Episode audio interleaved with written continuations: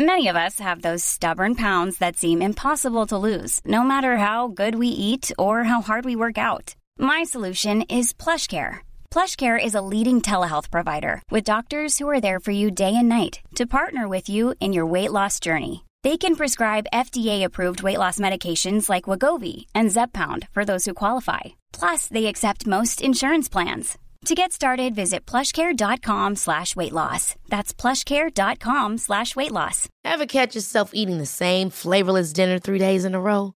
Dreaming of something better? Well, HelloFresh is your guilt-free dream come true, baby. It's me, Kiki Palmer. Let's wake up those taste buds with hot, juicy pecan-crusted chicken or garlic butter shrimp scampi. Mm. Hello Fresh. Stop dreaming of all the delicious possibilities and dig in at HelloFresh.com. Let's get this dinner party started.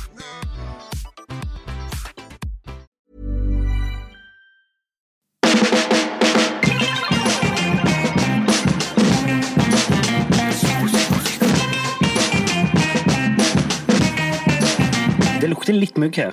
Dæven, han styrte blir så forbanna! Forbanna! Hjertelig velkommen til en ny episode av Psykodrama. Det snøger i Stavanger, det er ny uke, det er nye muligheter. Og ved sida av meg så sitter som vanlig Kjelløyas eh, Ja, en av Kjelløyas største sønner i hvert fall. Kanskje etter Arthur Kjærstad, etter Morten Kjærstad, etter Carl Albert Kjærstad. Per Kjærstad. Og Per, åssen har du hatt det? Du, tusen hjertelig takk for uh, at du spør meg om det. Um, jeg har det fint. Ja. Jeg har det. Um, men det, det var det er et eller annet som Faen, jeg fikk sånn julestemning nå.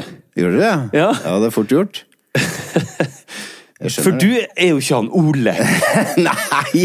Nei, for den observante lytter så er jo ikke det han Olek. For han Olek han er fortsatt ute og menger seg med movie stars. Tror han er da. Ja, han tror det.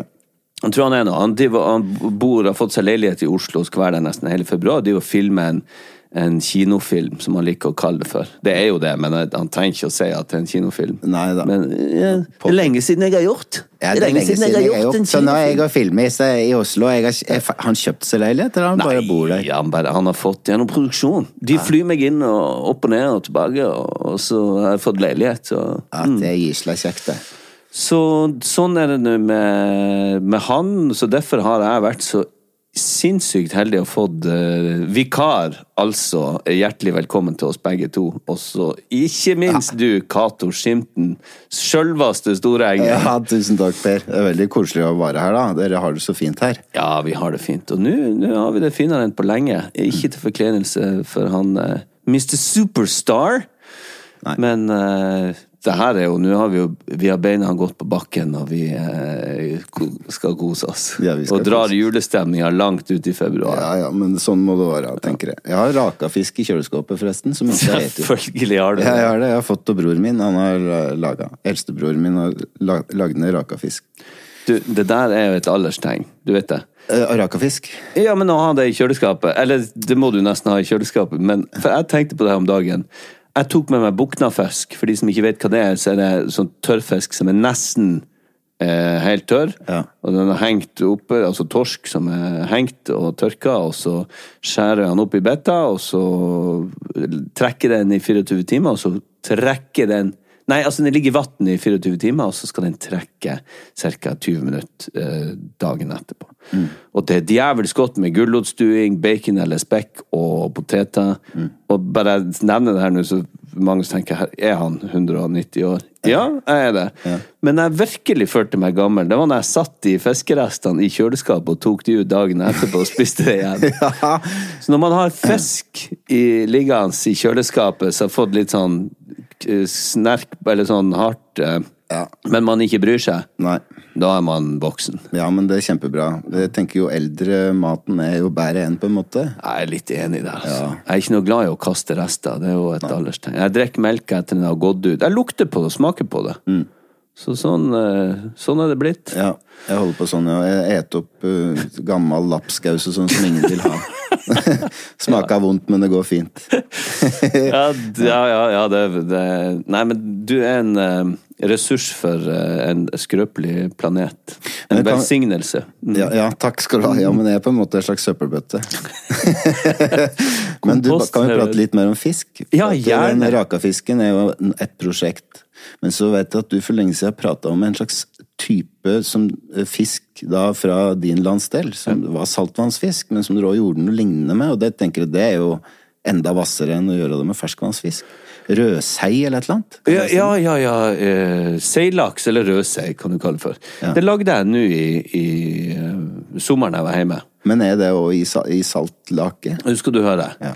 Det, da fisker vi storskei, og så uh, tar du fileten, og så salter vi fileten i ja, hva det er, et døgn eller to. Ja. Med grovsalt. Og Og så vasker vi av det grovsaltet, og så skjærer det opp i tynne skiver som, på samme måte som du skjærer røyka laks, liksom. Ja. Hele den fileten, og så har du, eh, legger du den i kaldt vann og med røykolje. Så du får kjøpt på apoteket. ja, for du må på apotek for å få kjøpt Ja, ja, for å kjøpt uh, giften. og så uh, og, og rød, sånn rødt pulver, sånn fargestoff. Ja. Og det er kun for at den skal se mer eh, delikat ut. ja. Og så ligger den der et døgn, eller noe sånt. Og da Det er djevelsk godt. Det er nesten bedre enn røykalaks. ja. Og, det, og så du det, har du det over på glass og så med rapsolje. Så ligger det der og godgjør seg.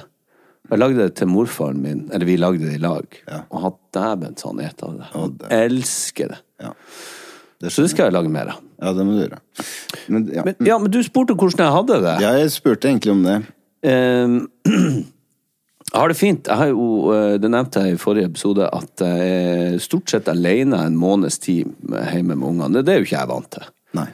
Og Gina er ute på reise og prøver å finne seg sjøl. Så kom hun hjem en tur i går. Skal være hjemme et døgn. Oi. Så flaks hun av gårde igjen. Ja. Og det er jo veldig kjærkomment å få henne hjem. Ja. Men så drar hun igjen, og så må jeg tilbake Men altså, når jeg har vært ute og reist, for det er stort sett jeg som gjør det, så kommer jeg hjem, og så sier hun sånn Du, nå står du bare i veien. For jeg er kommet helt ut av rutinene, og hun har ordna sitt eget eh, altså, prosjekt og rydda, og nå har hun rutinene helt i, i orden. Men du skjønner, det har jeg òg fått. Ja. Jeg føler hun står litt i veien nå og kommer med sprengende med utebuksa til ungene, og jeg tenker du, jeg, jeg, har kontroll på det her nå. Mm. Så jeg føler hun jeg, jeg, det, jeg kan ikke si at hun står i veien. Oi. Nå banker det på døra her, det det. apropos julestemning. Kom inn, kom julenissen. Og det var det! Jeg banket på. Ja, det var veldig koselig. Åh, skal det var altså produsenten vår som kom inn med kaffe, nytrukken. Er det koselig? Tusen hjertelig takk. Ja. Det er topp. God jul, ja. Jo, eh, nei, jeg kan ikke se at hun står i veien. Men Nei. det som var veldig deilig å få hjem så hun kan gå tur med hunden, for det begynner jeg å bli jævlig lei av å gjøre alene hele tida. Fire ganger om dagen. ja det jeg skjønner ikke at dere holder ut det hundeprosjektet. Nei, nei, det skjønner jeg ikke. Men nå er det jo ikke noe. Det er jo ikke noe Du kommer jo aldri til å ta livet av han, eller eh, Ja, men Hvor gammel blir dette kreket, da? Dette er en sånn liten Kan bli sånn 12-15 ja, år. Herregud. Ja, så det er jo helt ute Ja. Det er jo helt sinnssykt. ja, det er det. Hva vi har lagt av begrensninger på spontanturer til London og hva det måtte være. Det er jo faen ikke levende for det å få. Kan ikke ha med på flyet. Jeg kjører jo rundt. Jeg har jo kjørt tusenvis av kilometer med den bikkja allerede. Men det er det som er. Man blir, jeg, blir, jeg er jo så glad i den. Jeg elsker den. eh, Og hater den. Ja. Men jeg elsker den såpass at jeg kunne jo aldri ha Og jeg kan jo ikke foreslå du, var det så lurt med hund, du? For da blir vi skilt. Eh, Så jeg, jeg må bare stå i det. Men da, det er det jeg lurer litt på i forhold til hundeeiere. Altså, jeg skjønner jo sånn når en blir pensjonist, sånn så er det koselig å ha en sånn kar å holde Ja. Mm. på med litt. Men uh, dere har jo to unger fra før som krever sitt, og så har, Mm. har venner i Hedalen, Vegard og Marita. Ja. Som Hei, har- Vegard og Marita. Hei, Vegard og Marita. De har fire unger, Ja. og små, og har fått seg hund. Og de har eh, styreverv og arbeid og tjo og hei hopp. at de vil seg så vondt. Jeg skjønner ikke at det går an. Men at vi vil oss altså det, Jeg skjønner ikke hvordan jeg får tida til å gå opp. Nei. Men jeg gjør det på et merksnodig vis, og så faen, og så Å, han er jo så søt, jævelen. Men lager han mye lyd inne? Han bjeffer når Nei, han er egentlig jævlig grei. Det eneste han ikke er grei med, det er at han er rabiat på andre hannhunder. Og det er djevelsk slitsomt, for jeg går med høye skuldre og ikke klarer å slappe av når jeg går tur med han. og så, hvis det noen tar i dørhåndtaket, så er det Så sier jeg nei! Du fy Men det hjelper ikke. Det, det er ingenting som hjelper. Og vi har hatt han på kurs, og han er Ja. Men ellers er han djevelsk snill. Ja. Det er jo ikke brukende noen ting. Nei, det er jo ikke det, vet du. Ingen verdens ting. Men det er vel noen hyggelige stunder da, oppi det, med denne bikkja? Ja, det er det. Og det er jo derfor vi fikk han i utgangspunktet. Fru Gina er en romantiker, og så jo først seg en hund med rødsløyfe på julaften, og det har han. Ja. Og at han er så søt når han går ute med sokker i det her. Ikke faen om jeg tar på han sokker og en sånn jakke og går ute som en forbanna idiot blant folk med han. Og det henger, hun har sånn ordna at det henger, ser faen meg ut som en sånn vekter som syns det er kult å ha masse greier på beltet sitt. Med bæsjeposer og, og godteri, sånn, sånn der hundegodteri for å trene på veien. Jeg føler meg altså så jævlig idiot når jeg er ute og går med alt det der dingeldangel. Men har han øh, knekt koden med at han skjønner Eller går han som en sånn idiot? Du vet, sånn bikkjer med sånne puter på. De tror, skjønner ikke når de setter ned beinet, så de driver og løfter det. Jeg har ikke sett han. Jeg vil ikke se han med de sokkene på. Så jeg vet ikke om, Når hun tok han ut i dag, så hadde hun på full uh, peising. Ja. Med alt. Du Sånn kunne utstyr. prøvd å filme det og se om hun har lært seg. Han er så flau du, når han får på det. Det skjønner jeg godt. Men uansett, du, vet du hva, jeg har vært uten alko i en måned. Jeg bare tar det litt fort nå, for at du spurte hvordan jeg hadde det, og jeg hadde lyst til å nevne det. Eh, og så gikk jeg på en smell i helga. Ja, men det er fort gjort. Ja ja, og det er helt greit, det. Det går bra. Jeg fikk eh, melding fra Dag Sørås, som hadde show her, så hadde han billett til meg. Da trenger du egentlig ikke si mer. nei, nei, ja, ja. Og, da, men, og så skulle jeg ta igjen. Ja. Så jeg tok jo gin tonic på størten, tre-fire av de, og så supplerte med diverse andre ting. Så jeg var hjemme i halv to-tida. Ja, men uh, det var ikke så gærent. husker ikke så mye av det. Nei. Men så har jeg ellers når jeg har gått på sånne ramla utpå, så har det vært veldig behagelig dagene etterpå å ta et par-tre sånn for å roe nervene og sånn. Det har jeg ikke gjort. Nei. Og nå skal jeg gå på en ny hvit runde. Oi. Men jeg orker ikke. Det er ikke verdt det. Nei. Jeg orker ikke å holde på på det viset der lenger. Nei. Nå er jeg inne i en ordentlig god eh, treningsperiode. Ja, du ser fryktelig bra ut da, Per. takk det samme. Jo, ja, ja. Ja, jo, ja, vi skal komme tilbake til det. Ja, vi skal nok det. Og jeg vil høre mer om hvordan du har det, men eh, før det så skal vi høre på han onkel Reisende Olek Reisende Mac. Ja. Eh, For han har lagd et reisebrev, og jeg, jeg, jeg savner han jo, jeg gjør det. Ja, det skjønner jeg. Savner han, ja. Så jeg syns det er på tide at han skal komme hjem. ja. Eh, Men her i hvert fall eh, reisebrev fra Ole Kristoffer Ertvåg. Hei, hei. Det er Ole Kristoffer Ertvåg her. Eh, ennå en av Stavangers, eller kanskje den største kulturpersonligheten Stavanger har å by på. Med et nytt reisebrev her fra den store hovedstaden. Jeg er nå her alene i denne leiligheten ennå. Eh, jeg har fått ny leilighet denne uken her. Som igjen har ført til en ny runde eksponeringsterapi.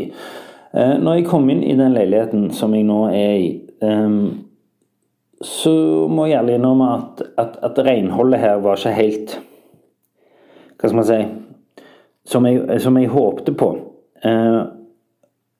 Og vanligvis ville jeg bytte rom ganske fort, eller bytte leilighet ganske fort når det så ut.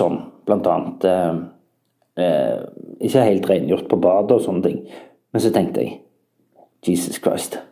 Nå, nå må du skjerpe deg, Ole. Nå. Nå må du skjerpe deg. Det er bra at det hadde tatt så mange år før eh, jeg plutselig begynte å tenke det. Men jeg sitter nå her i denne skitne leiligheten og faktisk eh, har bestemt meg for å bli her hele uka. Og det høres kanskje ut som en veldig enkel ting for mange, men for meg så satt den litt langt inne. Men eh, jeg er nå her, og jeg er ikke så rent lite stolt. Eh, Jeg skal prøve å gå gjennom litt eh, hva jeg har gjort den siste uken. Eh, Jeg har faktisk tatt massasje. Full body massage. Eh, Men brukte egentlig mest tid på å treffe trynet nede i det hullet og havna litt skjevt, så jeg brukte egentlig den store deler av massasjen på å justere trynet mitt i det hullet. Greide ikke i så stor grad å slappe av som jeg kanskje håpte jeg skulle. Og så tok jeg flyet til Oslo her, og altså det, dette, er noe av det, dette er noe av det mer absurde jeg har opplevd på et fly. Jeg sitter og hører på musikk i halvsøvne åpne øynene mine. Og da er det akkurat som jeg ser i slow motion, ser jeg i midtgangen en fyr som segner om. Og det er faktisk en fyr som sier noe om. Det er ikke meg som drømmer, men det er en fyr som besvimer midt i gangen på flyet. Og der eh, flyverten og flyvertinnen må rushe og hente oksygentank.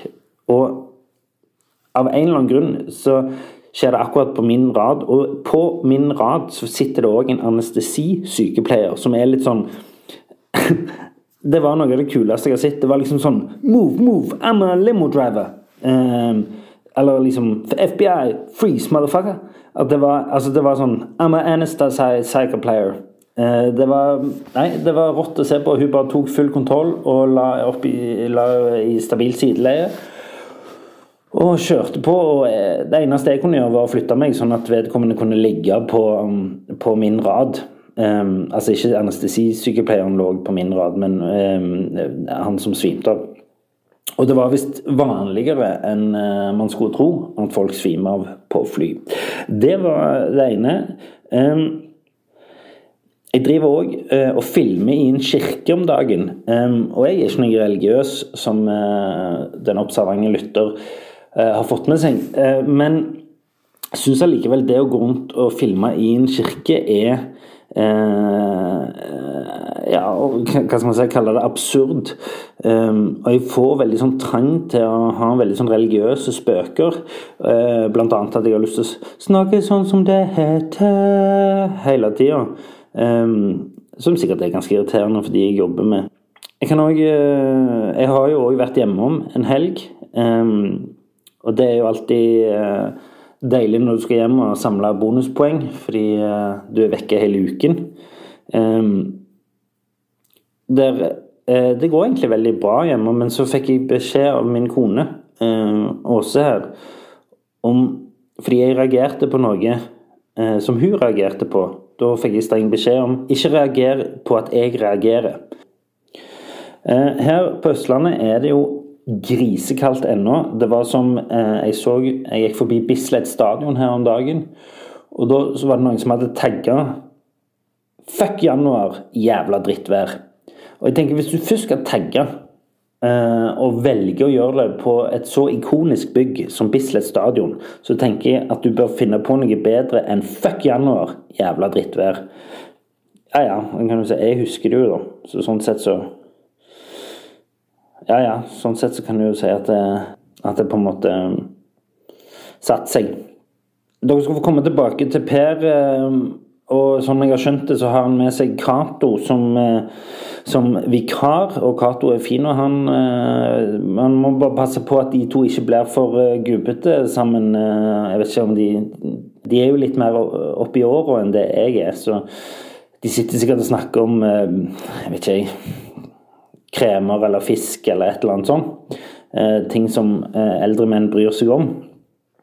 Um, og så tenker jeg jo at eh, når jeg er ferdig her, så kommer det vel en sånn Det var deilig å høre, eller godt å høre at du har det bra, eller et eller annet.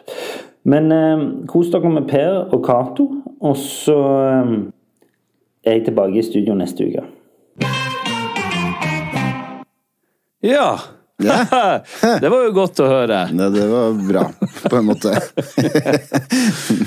ja. ja. Og du da, min eh, kjære, gamle, gode venn og turnékamerat Ja. opp gjennom mange, mange år. Ja. Cato Skimten Storengen. Hvordan har du det? Jo, jeg har det bra, det vil jeg påstå. Jeg, jeg har eh, det lugnt og rolig i heimen. Med noen unger som eh, stort sett eh, greier seg sjøl. De har blitt så store, vet du. Hvor gamle er de nå? De er 13 og 16, blir 14 og 17. Så det er videregående og ungdomsskole. Og, og så har jeg kone som stort sett er i send, og det er jo behagelig. Ja, hun er det. Det er fint, Ja, hun er veldig, det er veldig ålreit. Uh, nei, jeg kan ikke klage på noen ting, egentlig. Så holder jeg på med å ha regi på uh, skoleteater her i byen om dagen. Premiere om ei uke. på St. Olav videregående. Og så jobber jeg i Follis barne- og ungdomsteater med det samme. Så Ja. premiere en måned seinere. Det òg med studenter. Så nå er jeg liksom hjemme, i ro. Og det, det er veldig ålreit. Er veldig glad i å være hjemme. Det blir jo mye reising, som du vet. Jeg vet, og det var jo eh, Vi har jo starta å jobbe med Statsteatret i over ti år. Eh, Og så skulle vi Vi hadde det tiårsprosjektet som vi fullførte, Ja. og så skulle vi sette opp et Det er tre-fire år siden vi eh, fikk den muligheten med Riksteatret. Ja. Og det var jo mye jeg som var pågangsdriveren for det her, eh, å lage juleforestilling. Du var det? Ja. Mm. Men så ble det sånn at uh, ungene mine kom tilfeldigvis i den alderen, og det viste seg at de trengte meg litt mer. Og nå har jeg reist med deg og dere i ti år.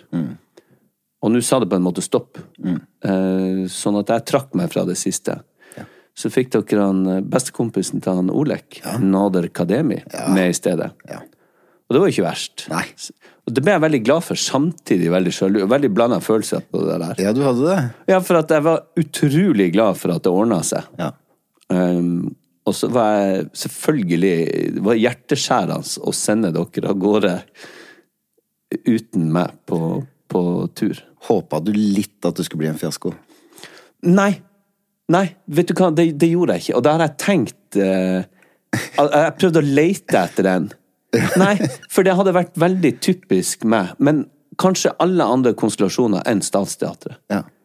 Eh, så hadde jeg nok eh, ønska det litt nord og ned, for at ikke jeg var med og løfta det. Nei, så det, det gjorde Og det kjente jeg på Hæ, det var veldig rart.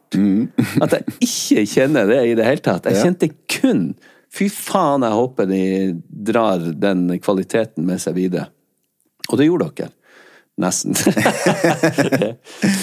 Eh, så der kjente jeg meg som et godt eh, menneske tvers igjennom. Ja, men du, jeg tror på det, vet du. Det er verst med alt. Ja, men jeg jeg, husker når du kom på prøver til oss i Oslo, Ja. når det var en tre-fire uker til premiere, så kom du inn, og da var du en prega Per med tårer i øya, og du syntes det var vanskelig å komme inn i det rommet, eller tror du Ja, for vi har jobba så tett i 10-11 år sammen, og f- liksom utvikla denne sceneformen, eller kunstformen, da, i måten vi har fortalt historier på, eh, som har vært våres.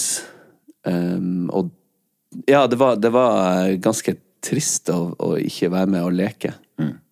Eh, men samtidig var Veldig blanda følelser. Ja. Men dere fullførte turneen, og jeg tror det var det lureste jeg har gjort på veldig lenge. At jeg stolte på den magefølelsen om å være hjemme med familien og ungene.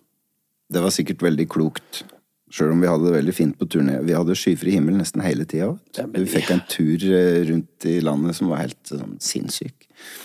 Det var flott. Men det var jo helt topp, da, vet du, med Gard og Lena Kristine Ellingsen og Nader og jeg, og superteam fra Riksteatret. Altså, det var en sånn balsamtur. Du hadde elska det. Ja, ja, men det, altså, dere det kommer, det, kanskje skal vi lage noe mer, vet du. Vi har jo ikke lagt det dødt. Vi har jo lagt tiårsprosjektet. Det har vi fullført. Ja. Og så har vi jo åpent både Vi har ideer på TV-serier, vi har ideer på andre stykker. Så, og den konstellasjonen er jo for dum å, å skulle begrave. Ja, for det er jo for moro. Ja. Så det krever jo veldig mye energi, og særlig vi må tenke å nevne Yngve Sundvold, da, som har skrevet alle disse stykkene.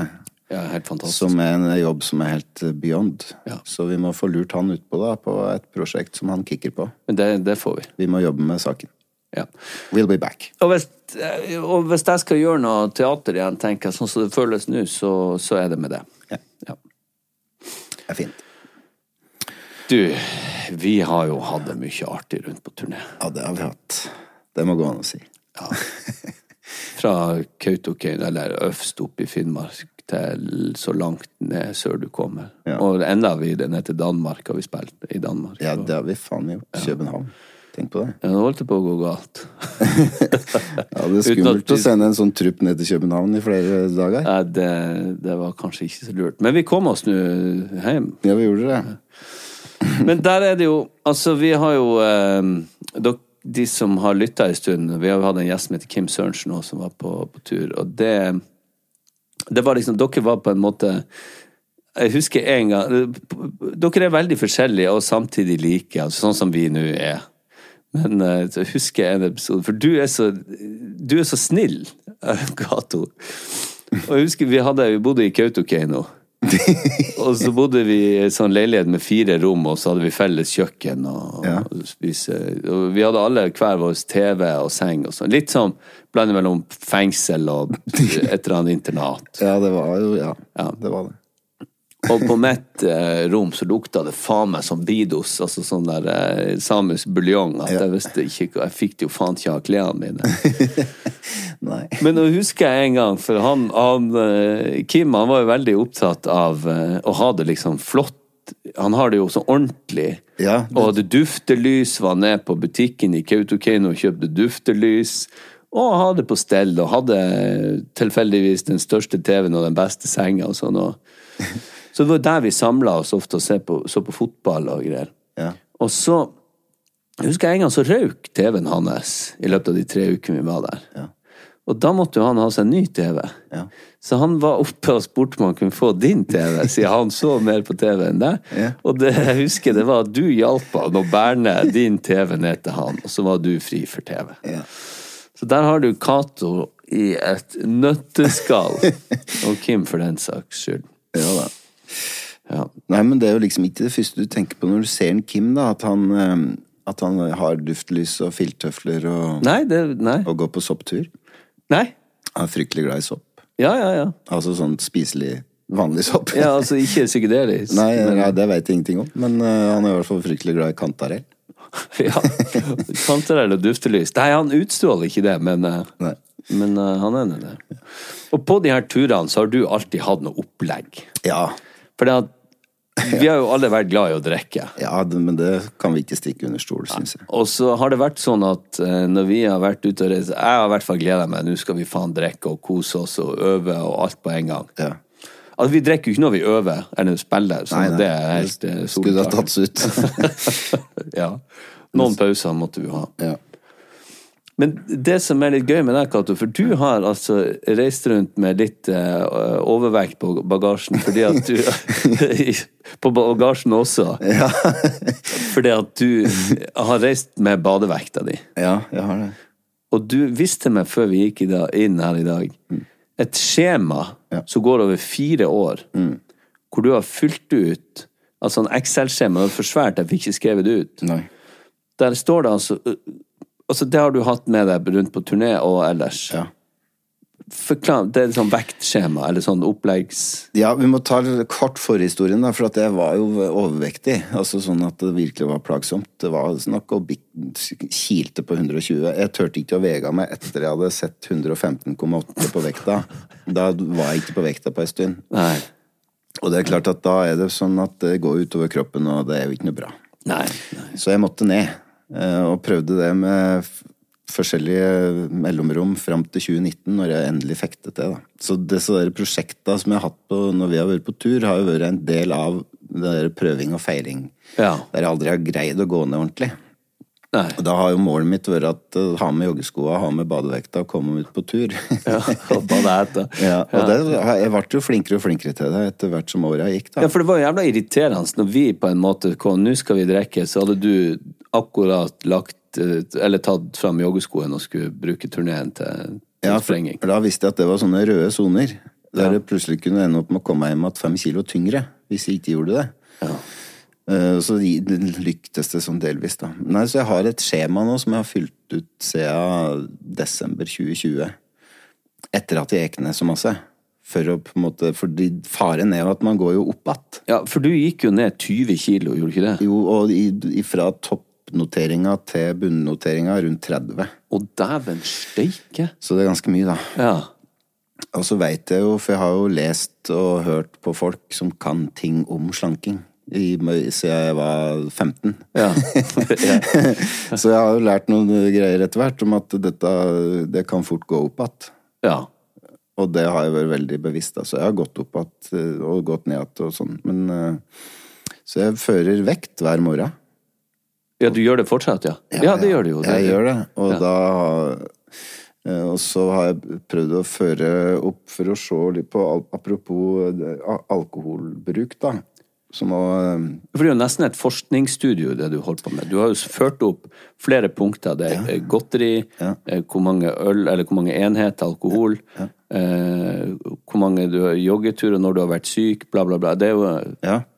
Tar jo faen ikke slutt. Kan hende noen er interessert i å se det skjemaet. Ja, jeg syns det var ganske eh, utrolig å se at du har sittet og Men grunnen til at jeg gjør det, er for at da er det en bevissthet på det som, som, som jeg kan følge med på. Sånn at jeg slipper å få den overraskelsen eh, nå har gått to måneder, og så plutselig er du ti kilo tyngre. For den er så fryktelig vond å ta igjen.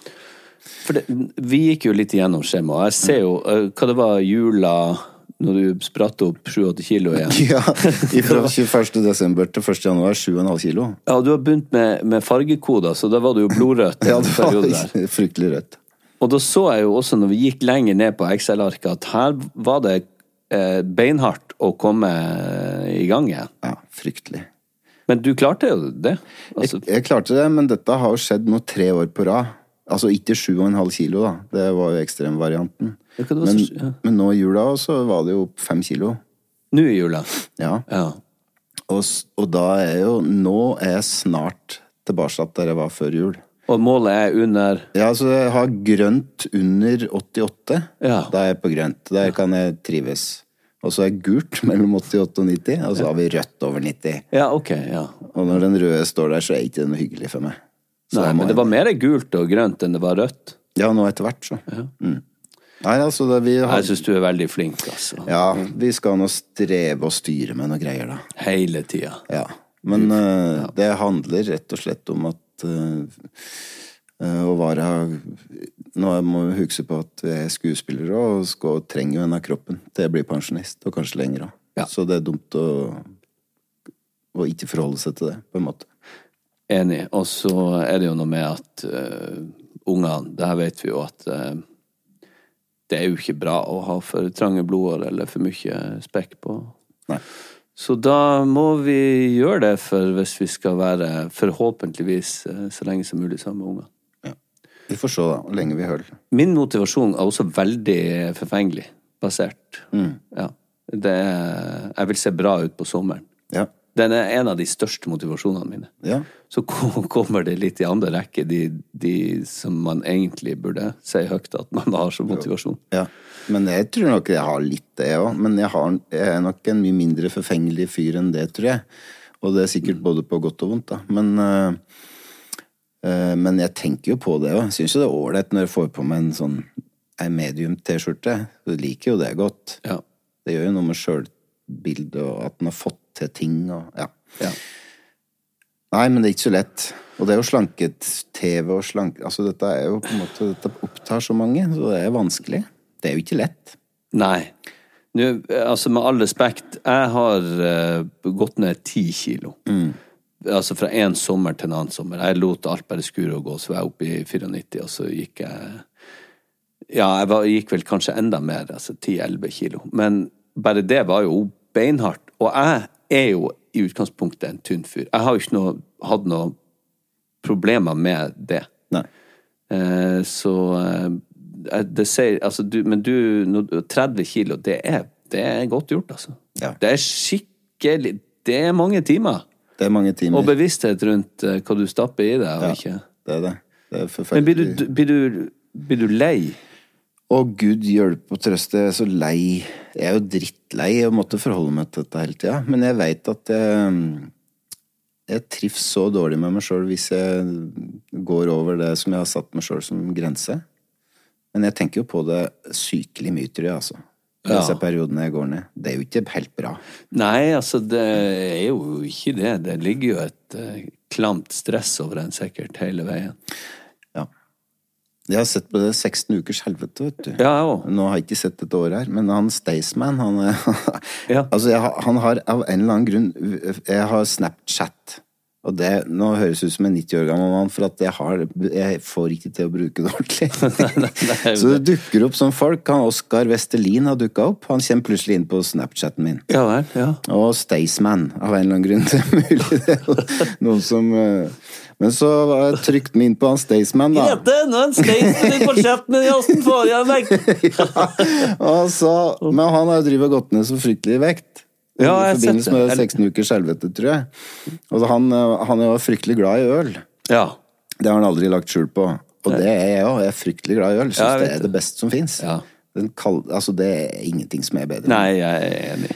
Eh, og da har jeg drevet og pratet om at han har, han har uh, funnet opp noe som kalles for ølpowerwalk. Den går jævla fort i en halvtimes tid til puben. Så tar han seg to øl, og så går han jævlig fort hjem igjen. Ja. Da går det på en måte i null. ja. Så kanskje det er en eh, At det er et triks. Ja, men å lagt opp ei rute, for det går jo an å regne på. Jeg har hørt sånn der, du, du kan kjøre Oslo-Trondheim på en sekspakning. Ja. For hvis du drikker det helt så jevnt, så klarer du ikke å bekke 0,2 eller sånn. Nei. Det skal gå akkurat. Jeg vet ikke om noen har prøvd det, eller det er helt sikkert noen har prøvd det. Ja, det er helt sikkert. Eh, oppfordrer jo ikke til det, men eh, det hadde vært artig å, å teste det en gang. Sperre av veiene og så bare prøvd. Med blåseapparat. Da kan jo sitte ved sida av og drikke, da, og så kan noen andre kjøre, så slipper du potensielt gå på den smellen. Det var jo faen ikke så dumt. Nei, det er en mulighet. Og det er ingenting som er triveligere enn å sitte i en bil og drikke øl. Nei, det er du. Det har vi gjort noen gang. Det er det beste. Det er så fint. Og sitte og høre på musikk og Å, herregud. Og så har du en sånn godgjeng i bilen der, Ja, og så bare kjører du. ja, ja det, er, det er jævla deilig. Ja, altså. det er så nydelig, vet du. Ja. Husker vi hadde en tur der du kjørte, jeg drakk og satt og hørte på gammel heavyrock, og du elska jo bare det å sette på, eller kjøre sjøl mens jeg drakk. Ja. Ja. ja, det er et eller annet med det. Jeg veit ikke hva det er. Er sikkert jeg, Nei, det Vi gjør jo dette, gutta. Men vi som er fra bygda, tror du ikke det er noe med at når vi, når de, vi begynte å få sertifikat og sånn, og kunne bevege oss litt rundt og vorsa på i bilen før vi skulle på Ja, ja. fest, at det ligger noe der? Ja, jeg tror det. Da får du sånne impuls Vi måtte jo kjøre en time og ti minutter for å kjøpe oss en hamburger, vi. Vi, vi gjorde det, da. Eller vi måtte ikke så langt, men vi måtte nok en uh, time, da. Eh, så vi kjørte til Garntangen, som ligger utafor Hønefoss, som hadde en sånn fantastisk sånn cheese bacon-burger. Oh, ja, ja, ja. Da kjørte vi dit. Og da bare tok vi turen, som det var. Og da satt, eh, Enten så kjørte jeg, eller så satt vi og tok oss noen øl her på lørdagen, kjøpte burger, og så Det er samme greiene her. Vi kjørte til Bjerkvik for en bjerkviking. Ja, Ja. Hvor langt er det til Bjerkvik? En time og et kvart. Ja, ja, men det er ingenting. Nei, Nei. det er steinkast med venstre hånd. Ja, det går så fint. Ja. Du, ja. eh, nå når eh, jeg er alene, altså, jeg får av og til sånne ø, ø, bølger med angst. Det har jeg jo hatt mye av, men eh, jeg er redd for at det skal skje noe med ungene, selvfølgelig. Det er liksom hovedgreiene. Jeg er redd for at det skal skje noe med Gina og er ute, at jeg ikke har liksom kontroll og kan hjelpe, eller Jeg er så grusomt redd for, de, for å få sånne beskjeder. At det skal stå noen på døra Nå må jeg banke i bordet. At det skal stå noen på døra og komme noen beskjed eh, Altså, det er min største frykt. Så av og til klarer jeg ikke å komme meg ut av de tankene om Og her, nå når jeg har vært alene, så har jeg tenkt på Gina når jeg er ute om Jeg har jo kontroll på ungene når de er hjemme. Og jeg går jo og sjekker at de puster og alle sånne tvangstanker rundt det. Men også eh, Så tenker jeg, jeg kan jo ikke hjelpe henne hvis det skjer noen ting. Og så begynner angsten å komme, og jeg, jeg suller meg inn i den. Og så får jeg en sånn grusom magefølelse. tenker jeg, nå har det skjedd noe. Og så tenker jeg, det, det har jeg fått mange ganger før hvis hun har vært ute, eller hvis jeg ikke har fått tak i ungene eller noen andre familiemedlemmer. Hvis jeg prøvde å ringe hjem til Nord-Norge, jeg får en sånn følelse, nå er det et eller annet som jeg ringer hjem, og så ringer jeg eksempel broren min, mora mi, bestefaren min, og så er det ingen som svarer. Og tenker ok, da har jeg fått bekreftet at det har skjedd ting. Ja. Og så er det, den magefølelsen er så sterk. Og så har jeg alltid hørt, ja, men man skal stole på magefølelsen. Men bank i bordet en gang til, for den magefølelsen har jo vist seg gang på gang på gang å være feil. ja. Og allikevel så hører du, du må stole på magefølelsen når det er noe hjemme. Er det noe galt med, hvis, hvis vi eh, Altså, i relasjoner og sånn hm, eh, Blir jeg lurt, eller er det noen som Skal jeg stole på den magefølelsen? Jeg vet ikke, jeg blir helt rådvill for det at Eller skal man stole på magefølelsen, eller skal man ikke stole på magefølelsen? Men jeg tror i hvert fall man ikke trenger å stole på den når man ligger sånn og ikke har peiling, og man bare fantaserer. Ja.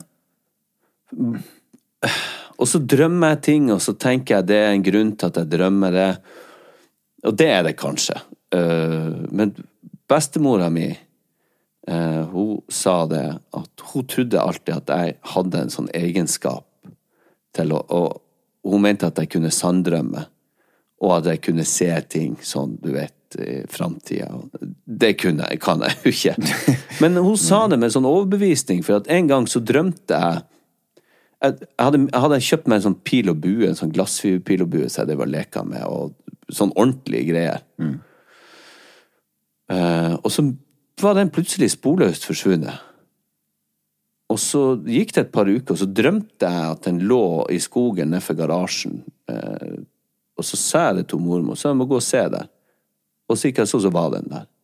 Og da var hun overbevist om at jeg hadde sanndrømt over all sannsynlighet så er det jo jeg som har lagt den der, og så har underbevisstheten trengt seg på en natt, og så har jeg liksom Hallo, Per, husker du ikke? Der lå det. ja. Det er jo òg en mulighet. Det er en god mulighet. Mens jeg hadde på en måte et slags sånn Følt et sånn stress og et ansvar rundt at jeg har en sånn sterk, sterkere fornemmelse av ting. Av sannhet eh, enn andre. Ja. Og derfor blir den angsten så svær når jeg ligger og fantaserer og tenker det må jo være noe sant i det. Skjønner, jeg, jeg begynte å reflektere over det her for et par uker siden. ja, for du lager deg da noen fantasier om ting som kan skje, og så har du fått beskjed til bestemor om at uh, du kanskje har noen evner. Ja. Og da blir jo det bare forsterkende på at du kanskje har rett i noen antagelsene. Da. Ja, det er det. Ja. For vi kan jo lage oss fantasier, sånn dommedagsprofetier hele tida om at ting går til helvete med alt som fins rundt oss. Ja, det er jeg jo jævlig god til. Ja, jeg har blitt ganske, eller jeg har vært ganske god på det veldig lenge. Og nå har jeg blitt litt bedre, men nå har jeg begynt å bli god på det. For at eh, sønnen min han er jo en sånn alder der han er liksom ute på kvelda. Ja. Og så Han som er 16, ja. Han som er 16. Så hvis jeg ikke hører fra han etter 11, så får jeg full panikk. Ja, ja, ja. Ja, så jeg kommer til å ha mange kjøreturer rundt på Hundvåg der jeg bor, for å finne at han. Det er Bare at han har jo ikke lyd på telefonen sin. Å, Det dæven. er jo det er eneste grunn. Så um, han, Det var et par kvelder siden, han kvart over elleve var hun, og fikk ikke tak i den. Og da det var to minutter unna å ta bilen da, og kjøre ut. Og der Ja. kom han, ja.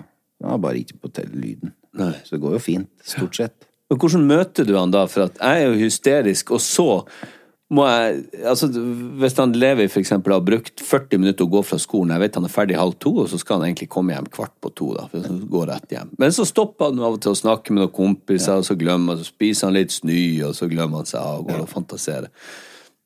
Og så kommer jeg kjørende, og da har jeg lagd meg så mange scenarioer Ja. i hodet. Ja. Og hjertet pumper som et rovdyr inni brøstet på meg. Og så møter jeg han, og da blir jeg jo så glad. sånn at det er liksom Hei, gutten min, er redd! Han bare Hvorfor kommer du og henter meg? Nei, jeg syns det var bare trivelig, og Jeg kan ikke legge på den angsten. Hvor har du vært? Hva som har skjedd? Hva har du gjort? Ja. Men jeg tror han senser et eller annet. Ja, han gjør sikkert det. Jeg blir, jeg blir nok streng. Eller jeg ble det nå sist, i hvert fall. Så du må ta, kan du ta telefonen? Du tar livet av henne hvis du ikke svarer på en telefon, for jeg blir så redd. Ja, men det må de jo få. De må jo ha lyden på. De må jo forholde seg til Ja, men de har, det er bare å glemme, tror jeg. Men eh, da, ja. Nei, vi får se hvordan vi angriper dette etter hvert. Det er litt samme, altså før, når jeg flytta til Stavanger, vi hadde ikke bil de første to årene. Jeg var avhengig av den helvetes bussen og Colombo, og dæven steike, så jeg hata den bussen. Ja, det er skjønt. Og så må du ikke stå Hvis jeg glemte å ta ut armen, så kjørte den rett forbi, og de kom jo aldri tidspunkt, eh, på tidspunkt der i byen, og det er jo et mm, Å, gud, så mye jeg har irritert meg over det. Men nå gjør jeg jo ikke det, for jeg trenger jo aldri forholde meg til Nei, for du har jo egen bil. Yes. Det er fantastisk. Ja, det er fantastisk. luksus, det der, Per. Men da sto jeg altså sånn og, og irriterte meg så djevelsk når de var så forsinka. Ja.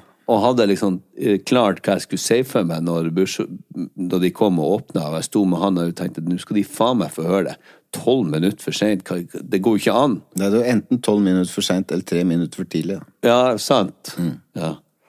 Men så var jeg jo så glad for at bussen kom, så jeg gikk på, så var det sånn Hei, hei, nå er det jo greit. Nå kommer jeg meg til byen. Ja. Så da så, Men jeg sto og rasa inni meg hva jeg skulle si. Ja. Kjefte på stakkars bussjåføren. Ja. Som må det hjelpe verden Nei, til å bli et bedre sted. Men du har jo skjelt dem ut et par ganger òg. Jeg har skjelt ut alt. Av, ja. Ja. Jeg har sprunget etter, kasta småsteiner. For kjørt ned på bussterminalen og hytta med neven. Jeg har vært en idiot. Og kjefta på bilister. Kjeft. Men det har jeg slutta med. Ja, har du det? Ja. Jeg orker ikke å være en sånn taper lenger. Nei, for Nei, det er veldig unødvendig som- bruk av energi, da, dette der. Jeg så Jeg skulle parkere nede i byen her for et par år siden. Ja. Og så var det en mann på min alder. Og han hadde to døtre som var på, min, som var på alder med guttene mine. Og han var så rasende på ei som Ei stakkars dame som, som skulle parkere, som ikke fikk det helt til. Ja. At han tok med ungene ut av bilen, og så røska han opp passasjerdøra til hennes bil og ropte inn til henne Ja. og slamra det igjen mens ungene sto bak han. Og så tenkte jeg, Gud hjelpe meg. For en idiot. For en taper av et menneske. Ja. Og sånn kan man ikke holde på, Per Kjærstad. Nei, for hun parkerte sikkert ikke fortere av den grunn. Nei. Jeg tror hun hadde tatt han, det han mente var hans plass, eller hvordan det var, men allikevel når så flaut og ekkelt for de ungene og for hun og for meg og alle som så på. Ja. Og jeg fikk jo lyst til å ta han igjen. Ja. Jeg fikk lyst til å, men da hadde jeg vært akkurat like god. ja. Men der så jeg det så tydelig at det, det Det er ikke den gata jeg skal gå ned. Jeg skal være han som bare Ja, men det er greit. Fint. Så unnskyld. Ha en fin dag. Jeg orker ikke. Nei. Og så kan du jo tenke på hva er mitt mål i dag, det å komme meg til kontoret. Og hva er det som gjør at jeg kommer fortest mulig dit? Ja. Så da slipper en unna sånne ting. Så Ja. kan, eller lukke øra og øya. For det blir veldig sjelden eh, bedre av å høylytt konfrontere folk. Men jeg kan bli Altså nå, her om dagen så skulle jeg kjøre ned eh, altså til høyre. Og så kommer det en bil opp den veien jeg skal kjøre, og så kutter han svingen helt. Sånn at jeg må rygge. Jeg må rygge! Fy faen. Og da gjør han sånn Slår ut med hendene og peker på hodet som at jeg har gjort noe galt for at han kutter svingen. Og da Jeg glemmer ikke han. Jeg glemmer ikke bilen, jeg glemmer ikke trynet. Jeg, jeg tenker på det. Eh, Jeg veit hvor du bor! Jeg vet hvor du bor. Jeg har tenkt på det kanskje fem timer totalt. Ja. Eh, Så forbanna blir jeg sånn urettferdig Men jeg skal ikke gjøre noe med det. Nei. Jeg skal svelge det, skru på det norgesglasset med lokket som ligger inni brystet på meg, presse det ned. Og ta det opp på trening eller noe sånt. Men eh, det er sånn Din forbanna Din frekke faen. Så, men eh, jeg skal ikke gjøre noe med det. Nei, Jeg har sånne samtaler inni hu hu huet mitt. Jeg har disse samtalene, jeg òg, på en måte. Ja. Men jeg tar dem unna, og så blir det borte, på en måte. Ja, de gjør jo det. Ja, de irriterer meg. Jeg blir jo irritert, jeg òg. Ja, ja, det vet jeg. Ja. Ja, du har jo temperament, du òg. ja da. Selv om du er Det det er bare sjelden. Ja, men når du først eksploderer, da har jo jeg vært vitne til noen gang, å dæven steike, da fyker det noen stoler og bord. Ja, men det er ikke noe koselig, det. Nei, det er ikke koselig, for det er, det er så uve... Og den dialekten òg. Det er jo som at julenissen har gått bamba. Ja, men det er sjelden. julenissen skulle være snill. Ja, men han har også sikkert en dårlig dag. Så da blir det stille i prøvelokalet. Ja. ja. Som da Kim Sørensen skulle tvangsfòre deg med vaffelkake. ja, men da trodde du at jeg skulle daue.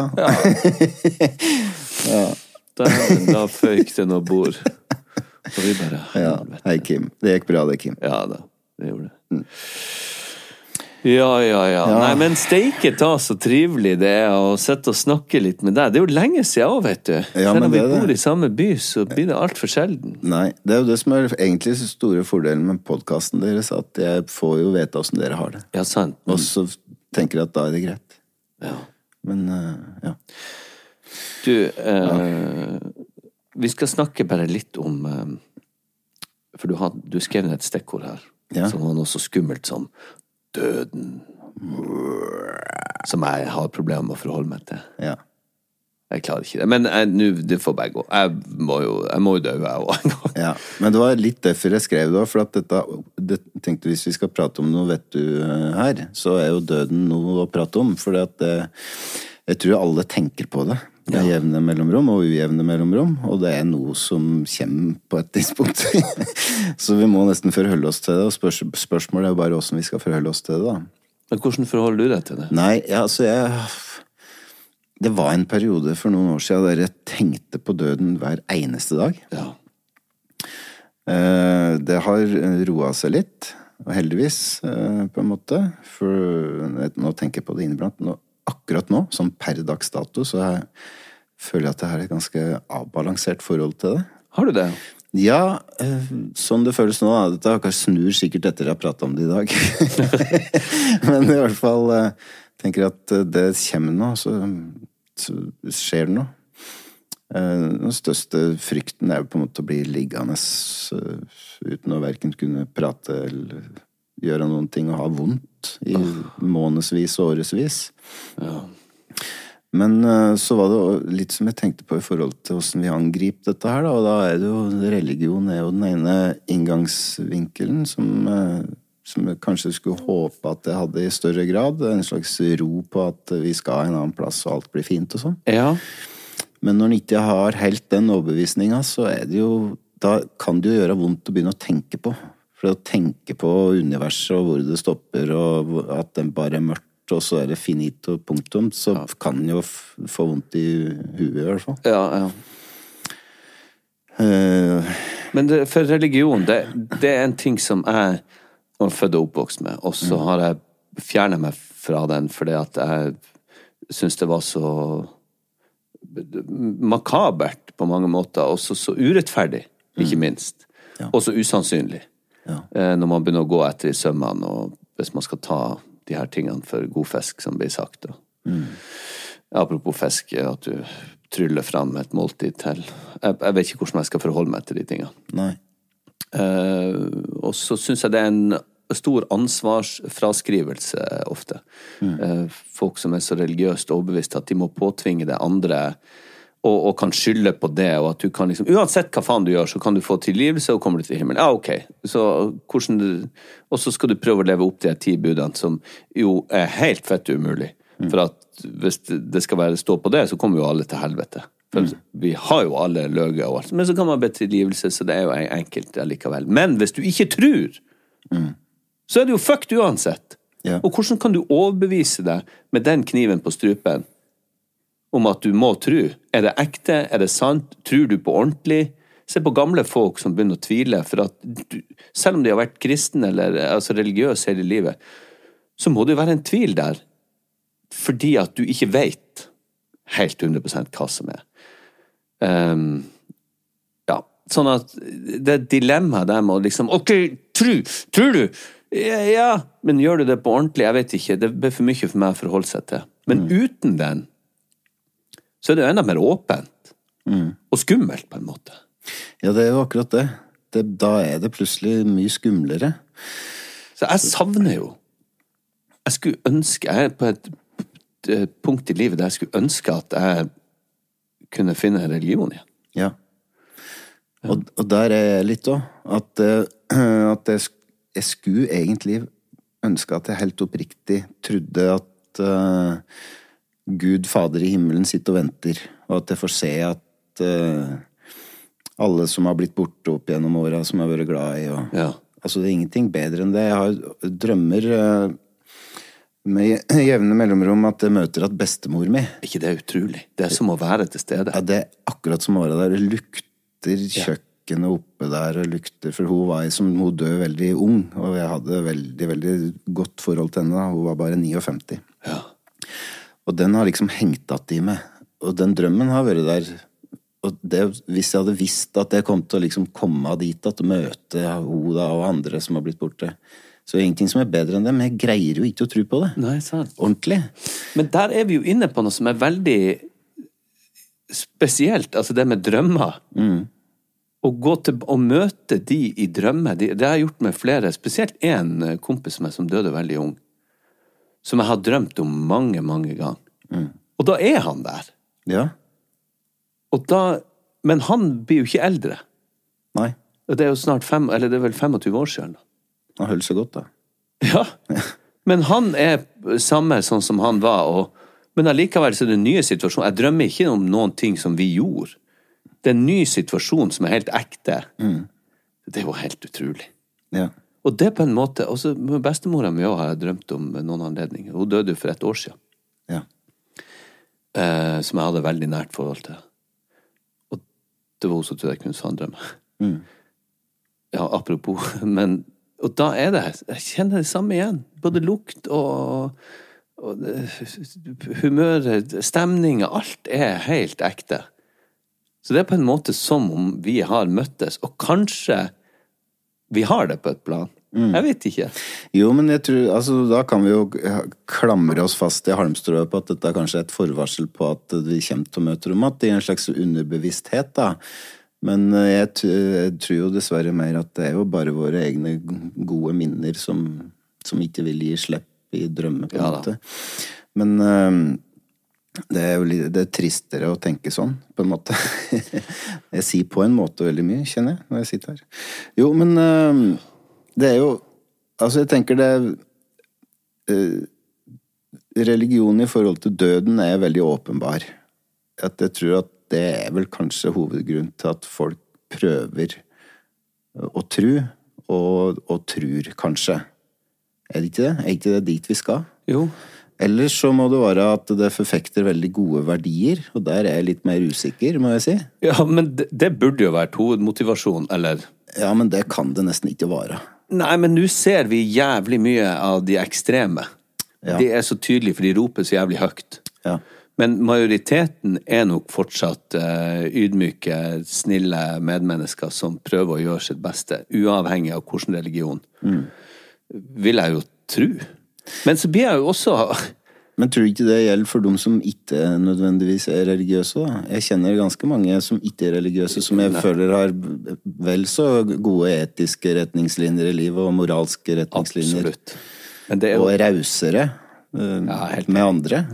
Altså det er den der Jeg vet ikke hva det er som trenger seg på hvorfor du må dømme andre, og hvorfor du har så lav eh, toleranse for andre religioner og andre folk, jo mer eh, overbevist du er for din egen kristendom eller eh, islam eller jødedom eller hva det måtte være. Det virker som at det går igjen.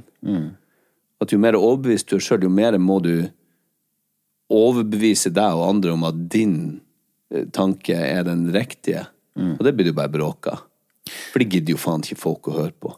Verst jeg vet folk skal trykke på meg ting de altså, Gjerne kommer med oppfor... Eller motivere og si 'det her funka for meg, det burde du ha prøvd', eller 'ja, kanskje det'. Men uh, la meg være. Ikke Ikke misjoner. Nei. Nei. Nei, og så er det jo alle konflikter som har sin rot i eh, religion, og som ikke er så veldig tiltagende. da. Når Trump står og holder Bibelen i hånda under valgkampen, sånn, så er det ikke nødvendigvis den boka jeg tenker at eh, Han representerer. Nei, det, det er nå så sin sak. Nei, det Men, det er jeg også- Nei, jeg syns det er vanskelig å Ja. ja. Jeg syns religion er vanskelig. Men uh, la oss nå prøve å se det uten å bli eh, religiøs, men eh, se det gode, det fine i ting. Jeg kan strekke meg til å liksom se at Gud er det gode i ting. Og vi kjenner alle veldig godt forskjell på godt og vondt. Og vi vet hva som er godt. Vi vet når vi er gode med andre. Uh, og vi vet når vi kjefter på noen som har parkert feil, for da får man en ond følelse i kroppen etterpå. Ja. Så da får man ganske god pekepynt på at det er ikke bra. Ja. Så eh, kanskje den er overalt i de gode tingene. Og, tenk deg hvor fantastisk Tenk hva vi er med på!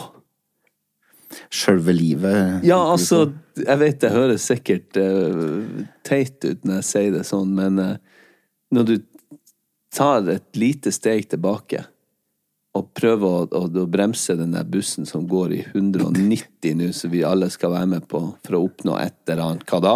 Ja, hva da? Hva da? Lykke. Uff, Jeg vet ikke. Jo. Og ikke er til stede for at vi skal kjøre så djevelsk fort og bruke så mye bensin at det Men å se hva det er vi er med på, da kan du jo se veldig mye vakkert i ting. Jeg, jeg, det var en jeg, jeg så bare overskrifter, for jeg tror ikke jeg har det abonnement om det var Aftenposten eller hva. Det var en kar som var så hissig og irritert på ting. Så tenkte jeg at han skulle aktivt gå inn for å prøve å se de fine tingene. Og han kom med noen eksempler på bare det en, en dag hadde han sett en veps som klarte å komme seg ut sjøl av huset og vinduet, og fikk en glede av det. Og det er jo litt sånn halleluja-stemning rundt det, men samtidig òg jævlig fint å se sånne og, og hvor magisk sånne ting er.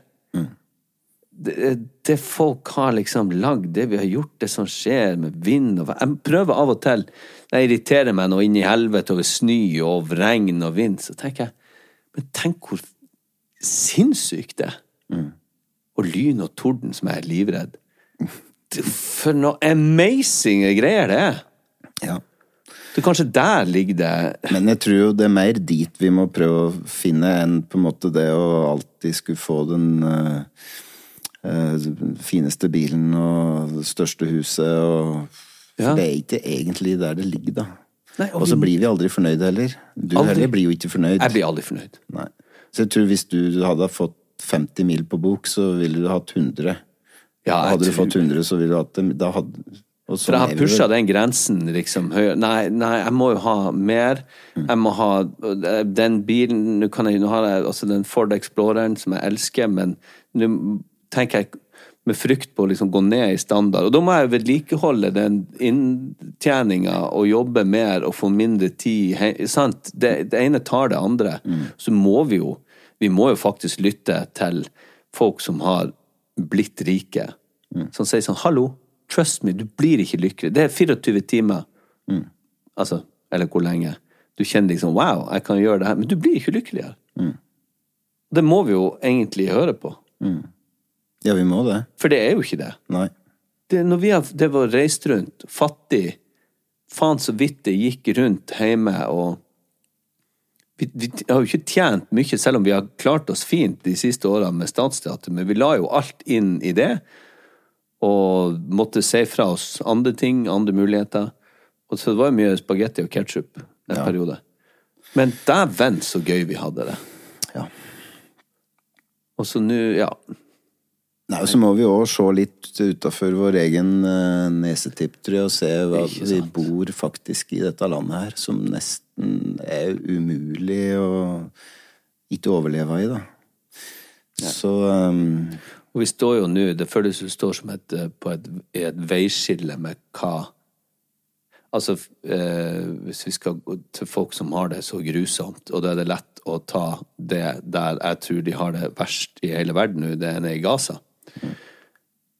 Den forskjellen på en liten flytur som det egentlig er, til noen som har et sånt helvete på jord, og her sitter vi god og varm, drikker kaffe som produsenten kom. Vi har ikke vi, kan, vi lager vår egen frykt. Han kommer hjem kvart over elleve, og han har brukt 40 minutter på å gå fra skolen.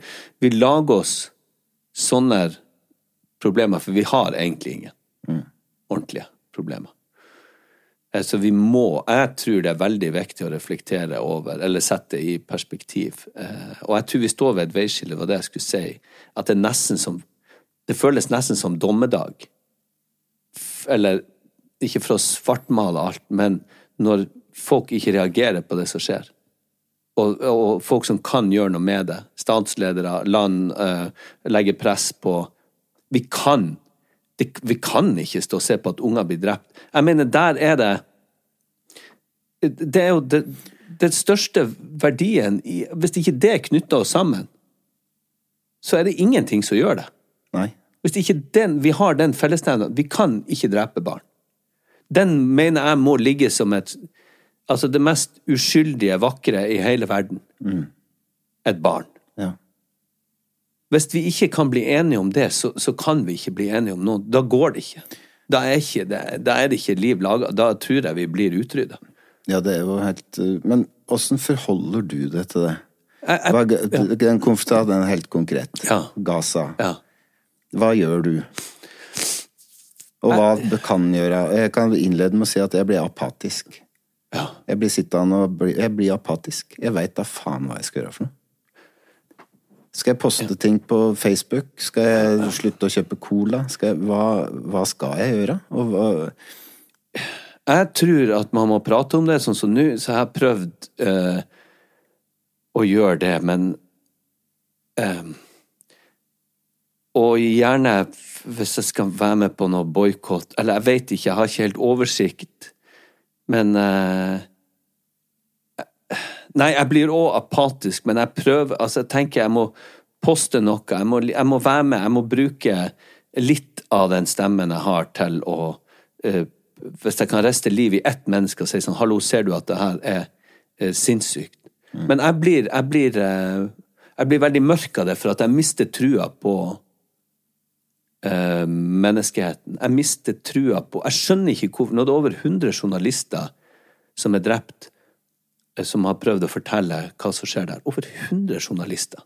Går ikke, altså, og så mange barn at det er helt uh, jeg, jeg klarer ikke å forstå det. Men for å ta det med journalistene, at, eh, at ikke de står og skriker her for sine kollegaer.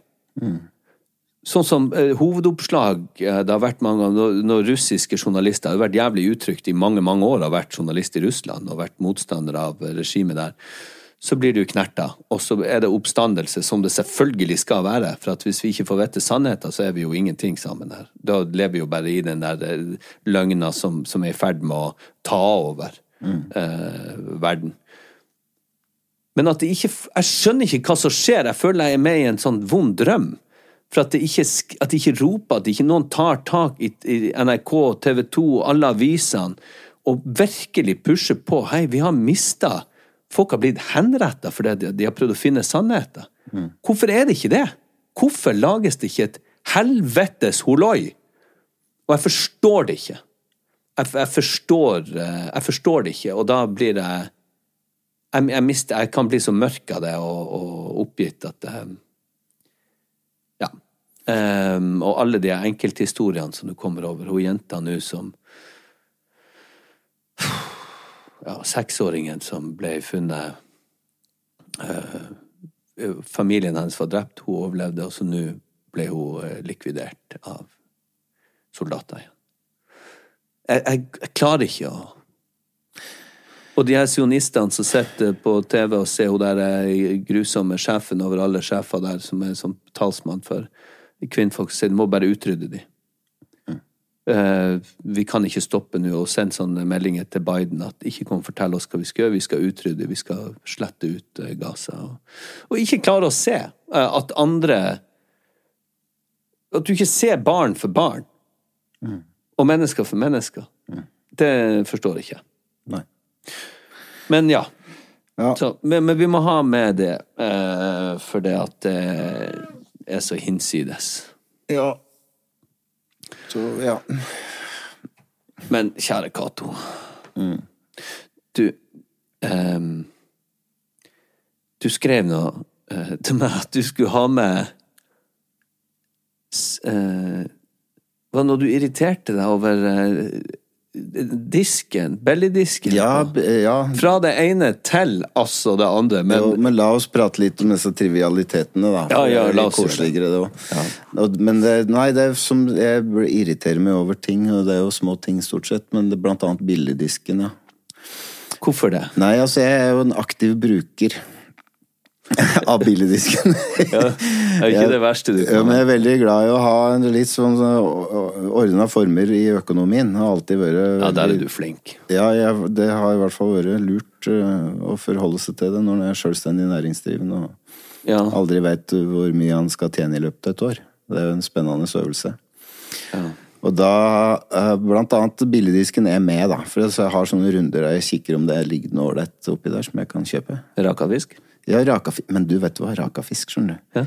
Det er nesten så ikke tør å si det høyt, da. Men eh, For den blir jo bare bedre og bedre. Ja, sant. Sammen med kjøtt og hele sånn biffer som Ja, det- liksom har gått ut på Ja, det er helt topp. Sånn at her på Hundvåg da, i Stavanger, så legges jo de eh, noen ganger i den billedisken før det har gått ut på, lenge før det har gått ut på dato. For de tror sikkert at det er en sånn kjemisk som, At det er livsfarlig å ha det i seg. Og jeg skjønner jo det hvis man ikke vet noe om det. Ja, ja, ja. Så der ligger, etter jul så kan du jo hamstre det, bare ha det i kjøleskapet i månedsvis. Og Du så- kan det, ja? Ja, ja, og så blir det bedre og bedre Men hva er det med den raka For gravlaks, det er jo noe annet. Ja, Den er jo litt sånn Rakafisken har egentlig bare ligget i en sånn salt i salt. Ja. Og blitt, blitt til en lake da, som den ligger og koser seg oppi. Og jo lenger den ligger, jo sterkere blir den. Og jeg liker den jo så sterk som det går an å få den. Jo takk, det er kjent når jeg har vært ute på turné. Nei, men så er det For det, jeg syns jo det òg fordi at jeg syns det konseptet med at du selv, at butikker får inn en mat, slipper å kaste det, Ja, det er jo veldig fint. er superfint. Ja, Og hvis jeg kan da kjøpe ting til halv pris, som egentlig er like greit, så ser vi ingen grunn til å ikke gjøre det. Absolutt Men ikke. de er kjipe, skjønner du. Ja. Og det er det som irriterer meg. For at i stort sett i disse billigdiska så ligger det noen veganburgere som ingen vil ha, Ja. og noe salat som er liksom Du ser at den er røtin. Ja, ja, ja. Rødt salat. Ja, Det ikke rødt noe- eh, Altså råtten? Ja, det er ingen som vil ha det. Nei, nei. Sjøl om det er til halv pris. Ehm, og så er de òg luringer, da, for at eh, de har ofte salgsvarer da, både på Coop og Kiwi som er på salg allerede. Ja. Men så da legger de òg vanlige priser av de varene i billigdisken. Sånn at du, hvis du kjøper den som har gått ut på dato, så kjøper du den dyrere enn du ville gjort hvis du bruker det i tilbudskonseptet. Det er jo helt idiot. Det er jo faen eh, direkte lureri. Ja, det er lureri. Nå hadde de sånn, du vet disse svære sjokoladeplatene. Nå, jeg kjøpte ikke det, da. Men, Ja, det- altså som- de vanlige klassiske Ja, som er sånne vaffel Altså det er sånn giga Freia sjokoladeplater. Ja, ja, ja. Hadde de på Coop nå to for, to for 70, altså 35 per stykk. Ja. Og så hadde de en hel gjeng med sånn sjokolade oppi den billigdisken. Som var på 40% som kosta 35 kroner og et eller annet. Så det blir dyrere da hvis du kjøper på 40% på Coop-en enn hvis du kjøper det på den tilbudet de har. For noen hestkuker. Ja, og da tenkte jeg på det at hvis du hadde hatt samme interessen i dette, så hadde du sikkert skjelt ut disse der Det Coop-stakkarene. klart jeg hadde gjort det. Ja. Det er jo folk som fortjener Og jeg vurderte det litt sjøl da, skjønner du. Men jeg lot det gå. Ja, Men kan vi ikke kan ikke, det, kan, vi- kan vi ikke bare fylle opp den disken da med ting som de kaster allikevel? Ja, men de kaster jo, selv om de har den der lille skitdisken, de burde jo ha vært, halve butikken kunne jo ha vært sånne varer som har gått nettopp ut på dato. Ja. Du har jo sånn dumpster divers. Ja. Han er på kontoret og det. Han finner jo faen mat for, i må, for månedsvis. Ja. Som de kaster for at de tror at det er gammelt, eller den så var litt skeiv, den agurken, eller hva det var. Ja. Så skeiv agurk kan jo være god, den. ja. Guttastemning! Så uh, ja. Ja, nei, Nei. det, så det var, det var litt lille hjertesuk. Men tenker, hvis, ja, kan, det, der må vi steppe opp gamet litt. Ja, der må vi steppe For det er bare bra ting med det. Du, det er et økonom... For når vi har vært ute og reist, så har vi jo vært litt sånn eh, Cato, hvordan gjør du det med den økonomien her? For vi andre har jo gått på snø, i hvert fall jeg og han Kim. Ja. har jo gått eh, år ut og år inn på snøra. Som Ja. stendig næringsdrivende skal sette av din egen skatt. Ja. Hallo, god dag, mann. Hostesaft. Ja. Hva er det du gjør? Du hadde, du hadde med et, Hvis du kan komme med et sånn økonomisk tips til frilansere eller Ja. eh, selvstendig næringsdrivende? Jeg skal gjøre det, og da må jeg begynne med å innlede med å skryte av da han som har gitt meg disse råda. Ja? Som er jo da eh, min nabo i Hedalen. Magne Ruds økonomitips. Å ja. Er det han eh, det er Faras Vegard. Han- Faras Faras? Faras Vegard, han eh, drev et revisjonsregnskapsfirma som han Vegard har tatt over, da. Ja, sant, det er han. Ja, ja, jeg kjenner jo Eh, og når jeg gikk frilans i 2010-2011, så spurte jeg Magne om han kunne ta regnskapet mitt, for jeg måtte ha en til å ordne det. Og det sa han at det var greit, men da måtte jeg komme på kontoret hans. Ja. Og han Magne han er en type som er vanskelig å misforstå. Han er tydelig. Ja, tydelig. Ja. Så jeg satte meg ned som en flink skolegutt og fikk da en, tale på en halvtimes tid om hva jeg skulle gjøre og hva jeg ikke skulle gjøre. Ja.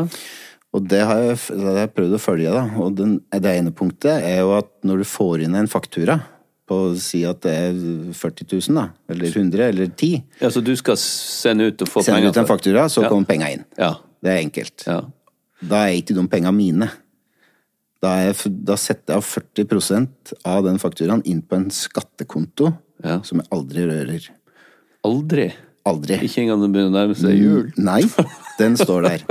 Den Ja. skal du ikke røre. Ah, ja. Da har du nok til å betale når den skatteregninga kommer. Ja. Og da har du i tillegg sånn at du har en buffer, sånn at du får litt til overs òg. Som du kan bruke på ferie eller oppussing eller et eller annet. Mm. Det var én ting. Den andre tingen er at du betaler ut en fast lønn i måneden. Ja. Ja. Så nå betaler jeg meg ut eh, 35 000. ja. Og det er akkurat liksom nok til at det får Det går som regel ganske akkurat til null. Ja. Og jeg betaler meg aldri ut mer, og jeg betaler meg aldri ut mindre. Nei. Eh, Der prøver jeg å være knallhard, da. Ja. Eh, Fordi da slipper man å gå på den smellen at du har brukt liksom tre månedslønninger på en måned fordi at du hadde dem tilgjengelig. Ja. Um, så det er på en måte nøkkel eh, hovedessensen. Men der har du vært standhaftig, beinhard. Jeg, jeg gjorde jo, som sikkert noen husker, eh, hvor jeg solgte sjela mi til Trivago. Ja. Jeg gjorde en runde med Trivago-reklame, det var jo godt betalt. Ja. Her i går så kom det en nabo bort og stoppa meg, så sa han sånn, du Jeg tenkte han skulle ha sett meg på Lykkeland eller noe sånt, så sa han, du er det du, er du han der Trivago-mannen? Jeg bare, yes sir, Bob. Yeah. That's me. Så det går nå lenger og lengre tid mellom jeg blir gjenkjent derifra, og det er nå like greit. Ja, ja. Men uansett, da fikk jeg jo en god porsjon inn. Så tenkte jeg, nå er jeg rik. Så jeg brukte, kjøpte meg bil, og så eh, betalte jeg bryllupet. Eh, og så glemte jeg sette Jeg glemte og glemte, men jeg tenkte det er jo mine penger, alt! Ja. Så jeg, s- tok, jeg gjorde, jeg satte ikke av til skatt. Nei. Noe som jeg kjente jo begynte å lugge litt i Jeg kjente jo et eller annet sted at jeg har gjort noe galt her, Ja. men jeg hadde jo så mye penger. Ja. Så etter det året jeg liksom har tjent mest på grunn av den potten som jeg fikk inn da, på det dumme greiene jeg holdt på med der, så ble det mye verre, og jeg ble satt i gjeld i lang tid framover. Som jeg er ferdig med nå, da. Ja. Men det var ganske Det var et mareritt. ja. Og det kunne så enkelt vært løst Ja, hvis du hadde gjort det trikset med å bare sette vekk de penga. Ikke sant. Men jeg skjønner at dette ikke bare er lett.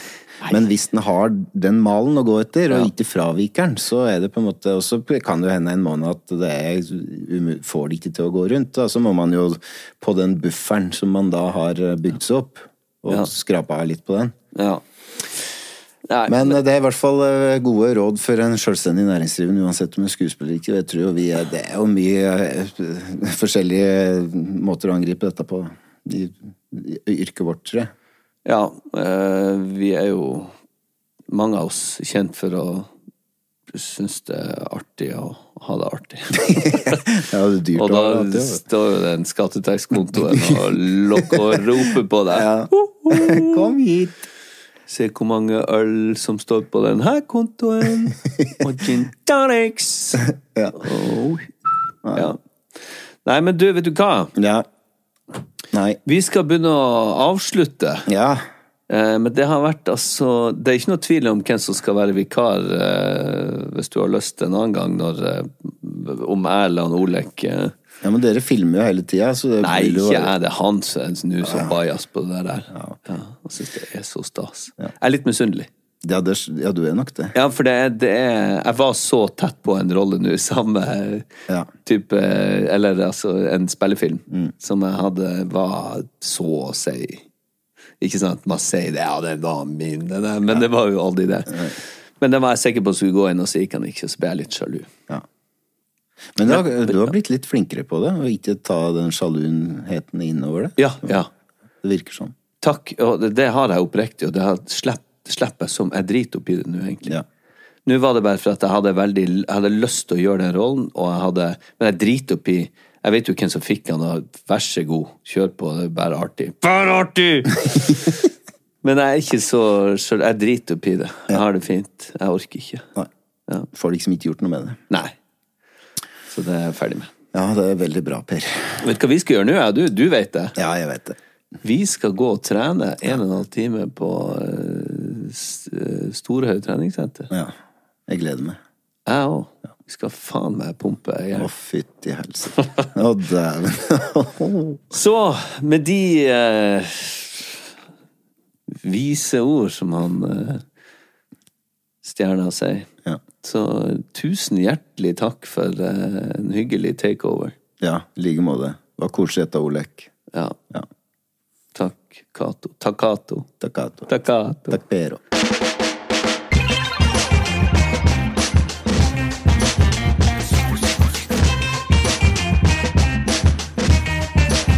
Det lukter litt mugg her. Dæven, sånn styrt, jeg blir så for...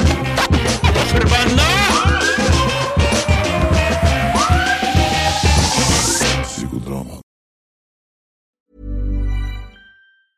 Ever catch yourself eating the same flavorless dinner three days in a row? Dreaming of something better? Well, HelloFresh is your guilt free dream come true, baby. It's me, Kiki Palmer. Let's wake up those taste buds with hot, juicy pecan crusted chicken or garlic butter shrimp scampi. Mm. Hello Fresh. Stop dreaming of all the delicious possibilities and dig in at HelloFresh.com. Let's get this dinner party started. Even when we're on a budget, we still deserve nice things. Quince is a place to scoop up stunning high-end goods for 50 to 80% less than similar brands. They have buttery soft cashmere sweaters starting at $50, luxurious Italian leather bags, and so much more. Plus, Quince only works with factories that use safe, ethical, and responsible manufacturing. Get the high-end goods you'll love without the high price tag with Quince. Go to quince.com slash style for free shipping and 365-day returns. Mom deserves the best, and there's no better place to shop for Mother's Day than Whole Foods Market. They're your destination for unbeatable savings, from premium gifts to show-stopping flowers and irresistible desserts. Start by saving 33% with Prime on all body care and candles. Then get a 15-stem bunch of tulips for just $9.99 each with Prime. Round out Mom's menu with festive rosé, irresistible berry chantilly cake, and more special treats. Come celebrate Mother's Day at Whole Foods Market.